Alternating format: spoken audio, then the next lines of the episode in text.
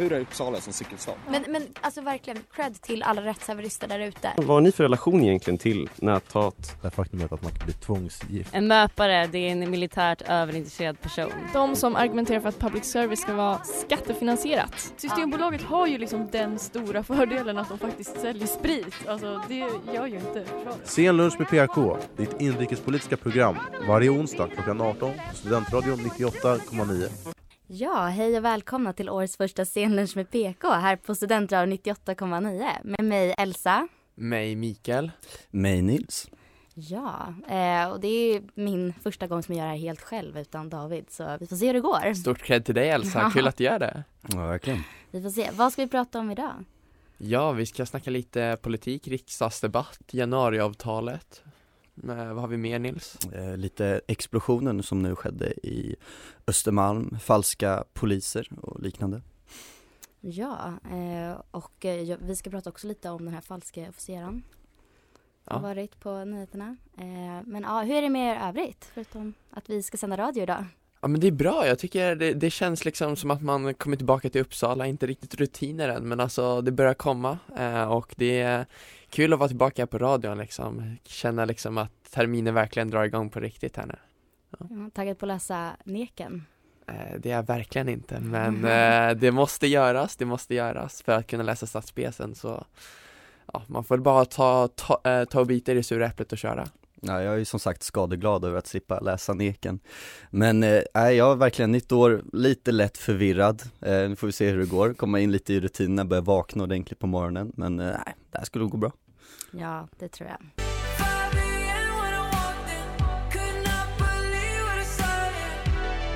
Ja, och där hade vi Guilty Conscience med 070 Shake. Mikael, Ja, vi har nytt år. Det betyder också att vi har den första riksdagsdebatten ägde rum idag som är ungefär tre och en halv timmar i riksdagshuset i Stockholm.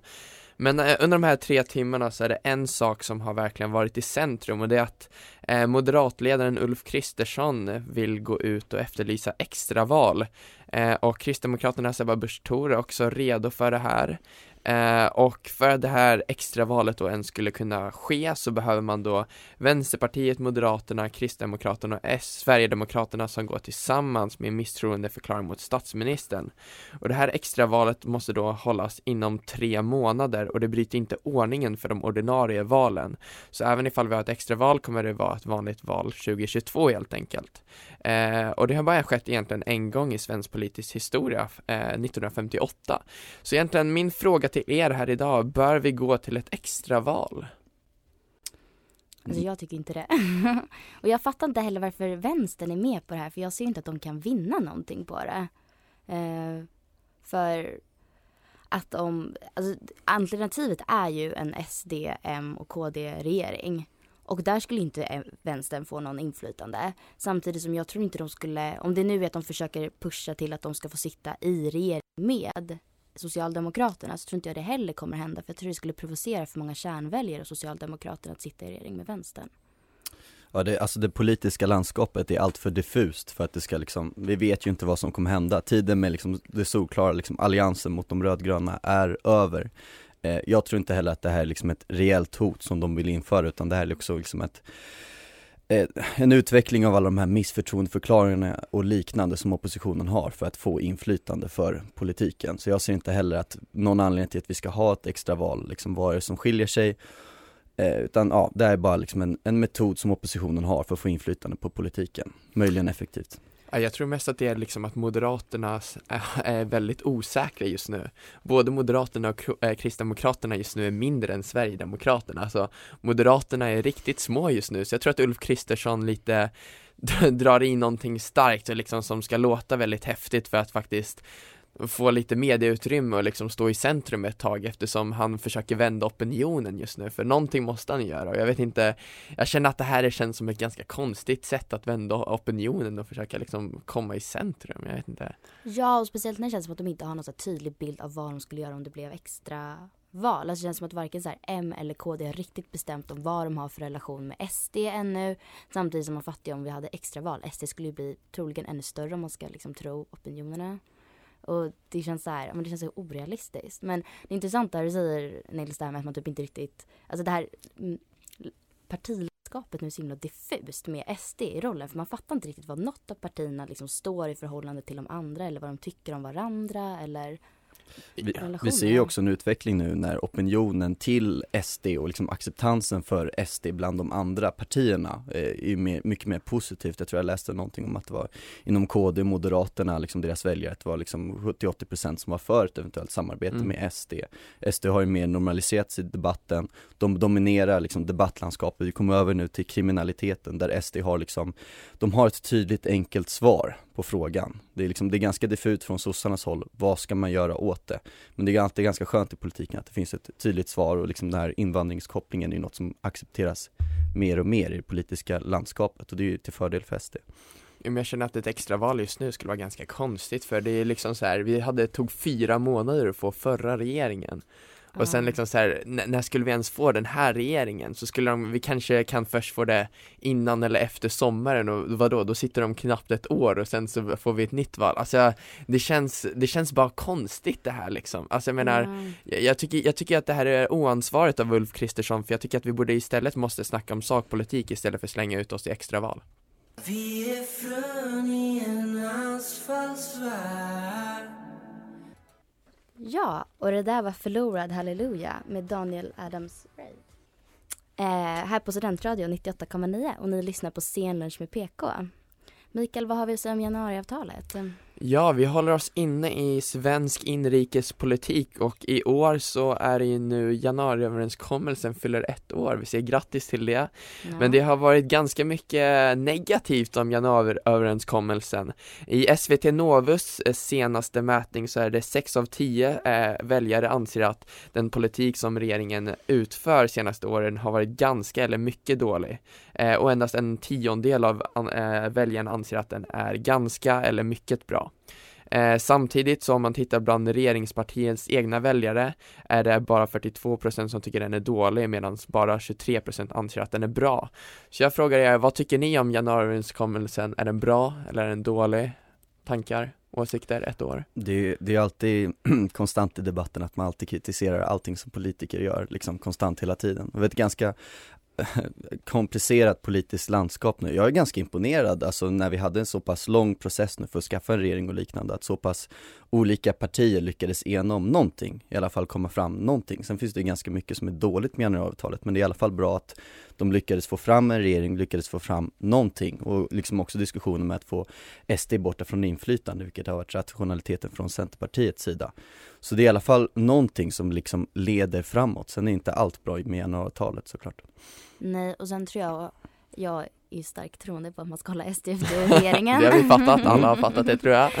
Eh, Så jag gillar januariavtalet på det sättet, men jag tror att partierna själva kan bli ganska skadade. Alltså de partierna som sitter, som är med i januariavtalet tror jag kan bli ganska skadade av det. Eh, samtidigt tror jag typ det har skadat eh, M och KD också, för de har blivit lite tvingade på ett sätt till att vara öppna mot SD, just för att de andra partierna har varit så otroligt stängda. Mm. Eh, så ja, jag tror det kommer, det räddade ju det här valet, men jag tror det kommer göra nästa val ännu mer kaotiskt.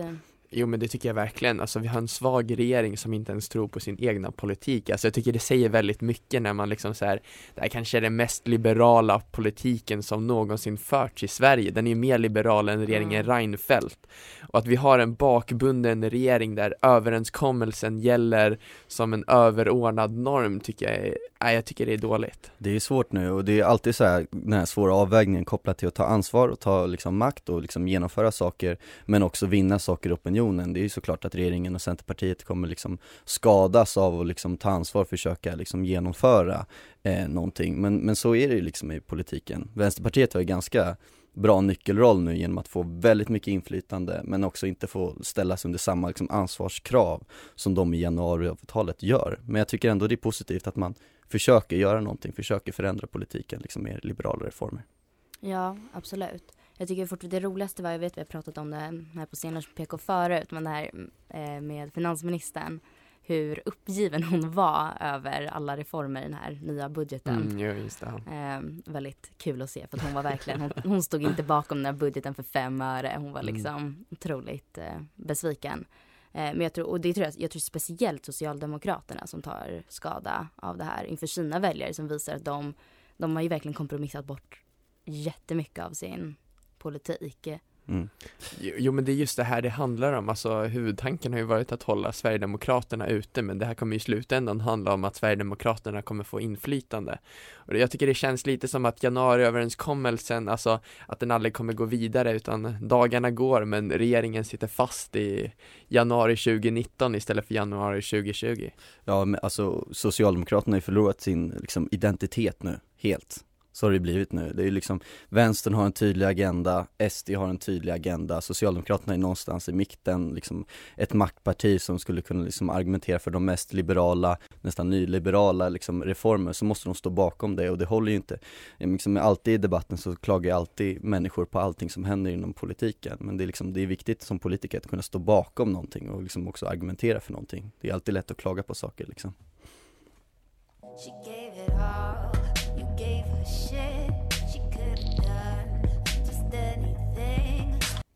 Ja, och det där var Goddess med Banks här på Studentradion 98,9 och ni lyssnar på Sen lunch med PK. Nils, Ja, vi har ju blivit ganska vana nu i Sverige med att höra olika explosioner och skjutningar och liknande i utsatta områden. Men nu i veckan så skedde en explosion på Östermalm, Gyllenstiernsgatan, där eh, Ja, som tur var så skadades ingen men det var en ganska kraftig explosion eh, och människor nu är chockerade nu att liksom kriminaliteten sprids till hela Sverige och inte bara liksom i vissa, vissa områden. Och då är frågan, vad ska vi göra åt kriminaliteten? Hur gör vi åt olika politiska sakfrågor? Vad är, handlings, vad är vägen framåt för att se till att minimera liksom de kriminellas inflytande? Vad ska vi göra? Vapeninlämning, det finns ju en cannabisdiskussion som har börjat gå fram bidragsfusk. Regeringen öppnar nu för att förändra läget med samordningsnummer som en möjlighet för att minska bidragsfusket i samhället. Vad säger ni? Vad gör vi åt de kriminella?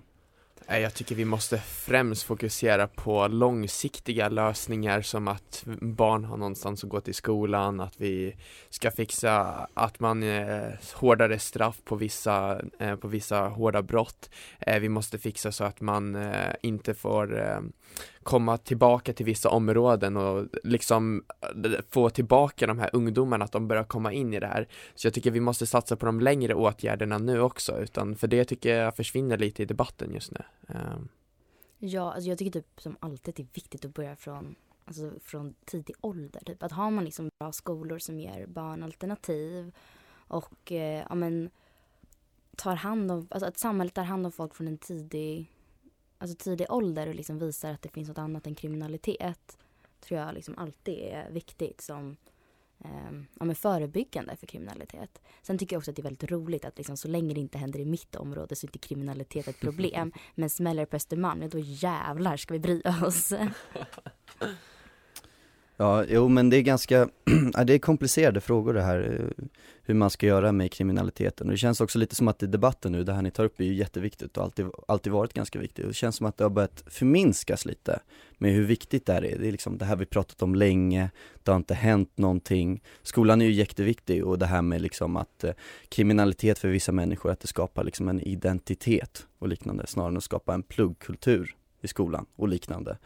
Eh, så att, det, är en, det är en svår fråga och det kopplas till mycket annat. Jag håller verkligen inte med dig Nils. Jag tycker att vi har snackat om den här frågan alldeles för mycket. Jag tycker inte det riktigt finns någon jättestor skillnad i politiken. Alltså alla har varit för med att liksom eh, anställa fler poliser men egentligen så om man tittar på empirin så att anställa fler poliser hjälper ingenting riktigt här och nu. Jag tycker vi måste fokusera på de små delarna i samhället. Att verkligen att du ser att ungdomar går till skolan, satsar betyg, fixar ett jobb. För att om du inte har ett jobb då, då ställer du dig utanför samhället. Jag tycker vi måste fokusera mer på de frågorna mer än faktiskt liksom så här ja, brottslighet här och nu. Jag tycker jag verkligen inte, jag, jag ser ingen ingen motsättning med våra uttalanden. Nej, det är kul nej, att du vill ja. debattera lite. Men eh, jag tycker absolut jag håller, jag håller med. Jag tycker skolan är liksom jätteviktig och jag tycker det är tråkigt att vi har sett en utveckling nu debatten när det blivit så att man liksom, i och med att, för det här har diskuterats ganska under en väldigt lång tid och nu i det moderna debattklimatet så är det vissa som ser lite ner på de här liksom mjuka reformerna för att liksom starta en grundnivå.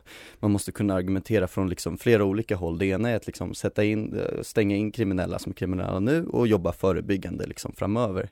Och liksom det förebyggande arbetet som ni är inne på är ju väldigt viktigt och det är viktigt att vi inte glömmer det. Så jag håller absolut med om det. Men sen tror jag också att det blir sån, från politikernas håll så himla konstig liksom, debatt kring det här. För jag vet, jag har inte kollat upp det här själv, men jag vet att min kompis som läser kriminologi, hon säger att det här med att det blir mer och mer kriminalitet i Sverige, det är inte sant om man kollar till statistiken. Och det här vet politikerna. Det är bara det att de inte väljer att se till det som att media skriver om det som att folk blir så upprörda kring det. Och därför väljer man att se det ur den synvinkeln. Och samtidigt som det också är så här att, att media gärna pushar på hårdare straff till exempel. För att det är det folk verkar vilja ha. Och då tar också politikerna på sig det. Bara, men vi ska ha hårdare straff då. Men det är egentligen ingenting som det finns belägg för att hårdare straff är något som leder till lägre kriminalitet. Jag tänker typ USA är ett ganska bra exempel på det. Eh, men det väljer ändå politikerna att säga för att de ska liksom plisa väljarna. Jo absolut, men alltså jag menar så här, vi, bara för att man ska höja straffen betyder inte att vi ska bli USA och stänga in dem i 2000 år liksom. Nej, utan det, det, det, det handlar, och även statistiken, ja, jag har kollat väldigt mycket på statistiken och ja, alltså själva antalet brott är ungefär liknande i Sverige har det varit sedan 90-talet när vi diskuterar just nu så är just eh, det som kritiseras mest är att eh, grova vapenbrotten går upp med just grova, alltså dödsskjutningar. Eh, att det är det som ökar helt enkelt just nu.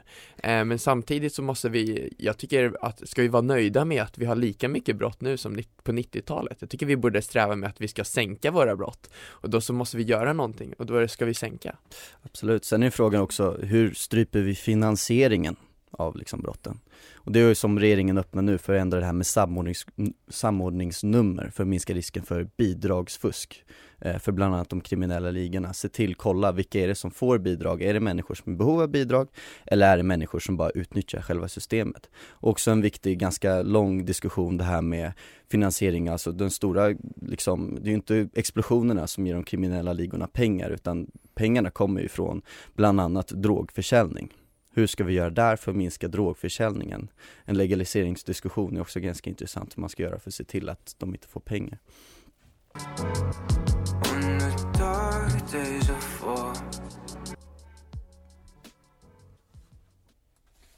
Ja, och där hör ni Pedals med Louis Blue här på Studentradion 98,9 och ni lyssnar på Scenlunch med PK. Nils, Ja, vi pratade ju alldeles nyss om explosioner och hur kriminaliteten liksom har, hur den utvecklar sig och hur det ser ut i Sverige just nu. Och en annan kopplad fråga nu som har skett nyligen, det är att falska poliser har börjat med att ringa upp, utnyttjat eh, äldre kvinnor från, tydligen, vi hade ett larm nyligen om kvinnor i 95 till 100 års åldern som får samtal från polisen som berättar att att någon i deras område är utsatt eller något liknande och att de behöver deras bank-id för att eh, kunna säkerställa att allting blir bra om de samarbetar. Alltså falska poliser som utnyttjar stackars utsatta människor liksom, i, ja, i Sverige.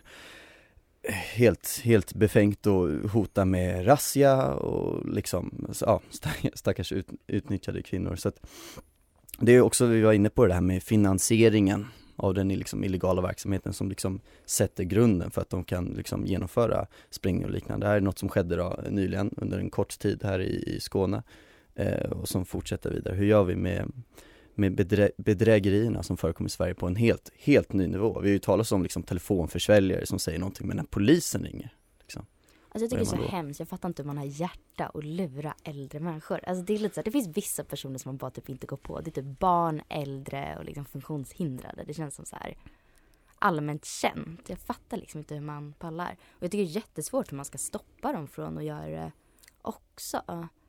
Um, krävs det typ så bättre, att typ poliserna snabbare, kan snabbare hitta dem tänker jag. Oftast försvinner de väl ja, ganska snabbt under jorden. Det som skedde nu skedde ju under liksom en ganska kort tid också. De gjorde mm. liksom, de ringde några på en väldigt kort tid, fick deras pengar, liksom identitet, alltså identitet och massa saker och liknande och jag menar polisen ringer. Det finns liksom fall som har beskrivits med människor som uppvisar falsk liksom polislegitimation. Liksom, en, det, det, är en helt annan nivå. Ja, helt ja. alltså nivå. Det, jag, jag, jag kan bara hålla med dig Elsa, så jag fattar inte vilka sjuka människor är det som lever på att okej okay, jag ska lura en 95-åring på några tusenlappar, alltså jag det har varit stora belopp också ja, men jag, jag, alltså jag, jag blir så extremt arg, men sen så jag fattar det här också, jag hade en kompis som busringde mig med att eh, att det var polisen som, att det var någon av min kompis som hade blivit nedslagen och att jag skulle åka ner till någon station. Mm. Alltså, in, alltså, in i, alltså jag, jag satt på en mattelektion, fick det här samtalet och jag blev helt chockad. Alltså jag menar så här,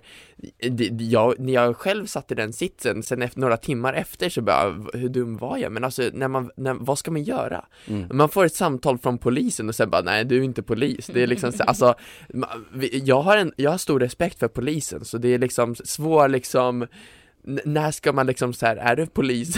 Eller liksom så här, Ja. Ja, vi saknar lite hederliga kriminella människor i det här landet känner jag. Som Ja exakt. förstår att, Vad händer med den gamla hedliga ja kriminaliteten? verkligen. Ja men de, polisen har ju gått ut och sagt det just när det kommer till liksom bank-id och liknande, det är ju inget som polisen efterfrågar. Men just också det här med liksom chocken med att höra att liksom något brott har skett. Liksom, då kanske man förlorar sin rationella förmåga att kunna göra en sån här bedömning, så här, hur legitimt är det här? Jo men den där informationen är inte, alltså den, kommer den ut tillräckligt bra för människor liksom? Alltså det är liksom så här, alltså det blir liksom som du säger, när, när du får det där samtalet, då kanske inte man tänker, vad läste jag i nyheterna för tre Mm. månader sedan? Alltså jag menar så här, det, det är svårt liksom med, vad ska man göra? För man slängs på information hela tiden liksom. Eh, och då tänker jag alltid det här med liksom, ja, man har ju blivit påfrestad mycket med brederi liksom med att man aldrig ska göra någonting i stunden där och då utan att det gäller liksom så här chilla lite, 30 sekunder spelar ingen roll. Kan det här vara logiskt eller inte? Och som sagt det där med att informationen når ut, det kanske når ut till liksom flera människor som följer mediaflödet, men det här larmet var ju som sagt om gamla damer i 95 och 100 års Ja. åldern. Hur bra 100 koll har de på liksom utvecklingen? Så det är inte de som har mest pengar heller. Det är inte Nej. de som har så här råd att eh, tappa lite, säkert ingen, typ ingen inkom alls. Men jag tänker om man går vidare från en typ av bedrägeri till en annan typ av bedrägeri. Har ni sett filmen Catch Me If You Can med Leonardo åh, DiCaprio? den är helt underbar, Guld. oj. Mm, vi har haft Oj. en eh, man här i Sverige som har levt lite så. Eh, som har varit falsk officerare. Eh, den här mannen har flera olika typer av säkerhetsklassade tjänster och tillgång till känslig information av betydelse för rikets säkerhet. Eh, och han har ju liksom blivit officer på att han har examensintyget från signaltruppernas officerhögskola i Enköping från 1999. Och det här är undertecknat av överste Per Karlsson. Eh, problemet är ju bara att det fanns ingen överste Per Karlsson vid den här tiden på den här eh, skolan. Eh, och det här är DN avslöjat nu och han har också typ, själv utbildat soldater. Eh, och han har arbetat som major, vilket han också saknar utbildning för. Eh, och hur, hur kan detta ske i Mm. vårt land? Stora frågan är också hur många sådana här fall som inte har upptäckts finns det? Det är så här, man, där, om man har ju sett Suits också och liknande, Ah. liksom flera människor som har liksom små intyg. Jag, jag vet inte hur, hur säkerhetsklassningen går till. Det kanske kommer förhoppningsvis ske liksom viss skärpning där när det kommer till legitimitet, legitimitet på människor som visar att de har liksom eh, utbildning och liknande. Men det är ju, ja det är, Jo men alltså jag tänker så här liksom så här Okej det här är vår militär vi snackar om, alltså jag menar så här Mm. om, om du är pizzabagare och sitter på liksom ditt CV och jobbar, alltså det är liksom så här, det är ingen som bryr sig men det här är ändå svenska militären liksom, alltså eh, det är väl bara att söka upp, vem är Per Karlsson eller vad, vad den där översta majoren är, alltså liksom så här, kan man inte bara söka upp det i något register? Det är liksom så här, speciellt ifall du ska bli major, alltså lång utvärdering känner jag att det borde vara liksom, Ja, eller liksom. Och där med kopplingen till Catch Me If You Can, det är många som menar på nu att liksom digitaliseringen gör det mycket lättare att se vad som finns i liksom olika register och liknande. Mm. Men det är också en möjlighet, digitalisering är också en möjlighet för hackare och liknande att kunna liksom gå in i register och liksom skriva in. Så det blir en, liksom en helt ny liksom utveckling av att ja, människor kan liksom falsifiera men också dubbelkolla saker. Så det är liksom, det är dubbelsidigt där med digitaliseringens utveckling. Mm. Verkligen. Men jag tycker att alla de som går runt och hela tiden är rädda för att staten övervakar dem, de behöver inte vara det för vi har inte ens koll på vår egna militär. Nej just det. Det är, liksom, det är totalt onödigt. Jag tror det liksom prioriteras före. Bara, nej, vi kollar inte upp på honom. Vi ska kolla här på Elsa Josefsson, vad hon gör på nätet. Det är kanske är den prioriteringen som blir lite fel. Ja, verkligen.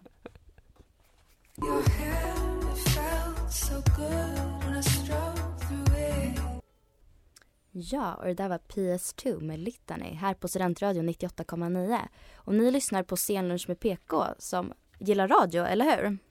Helt klart, älskar Ja. radio. Mhm. Eh, men det är ju tyvärr inte så representativt eh, i Sverige stort. Eh, enligt Nordicom Mediabarometer så sjunker radiolyssnandet men samtidigt så ökar poddlyssnandet. Och det verkar Sveriges Radio ha snappat upp eh, när det nu från och med 20 januari gör om P3 eh, där det kommer satsas mer på just poddar och musikjournalistik. Eh, och sedan 1993 har P3 satsat på en yngre målgrupp med ålder upp till 35 år. Men i och med att det bland annat rekryterat Katrin Zimmerman som var tidigare i P1 Morgon känns det som att det tar sig bort lite från, från det här och att nu satsar de mer på att det ska, alla ska kunna lyssna på P3 oavsett ålder. Eh, och tror vi att det här kommer vara ett gynnande koncept för P3? Att man missar lite den yngre målgruppen.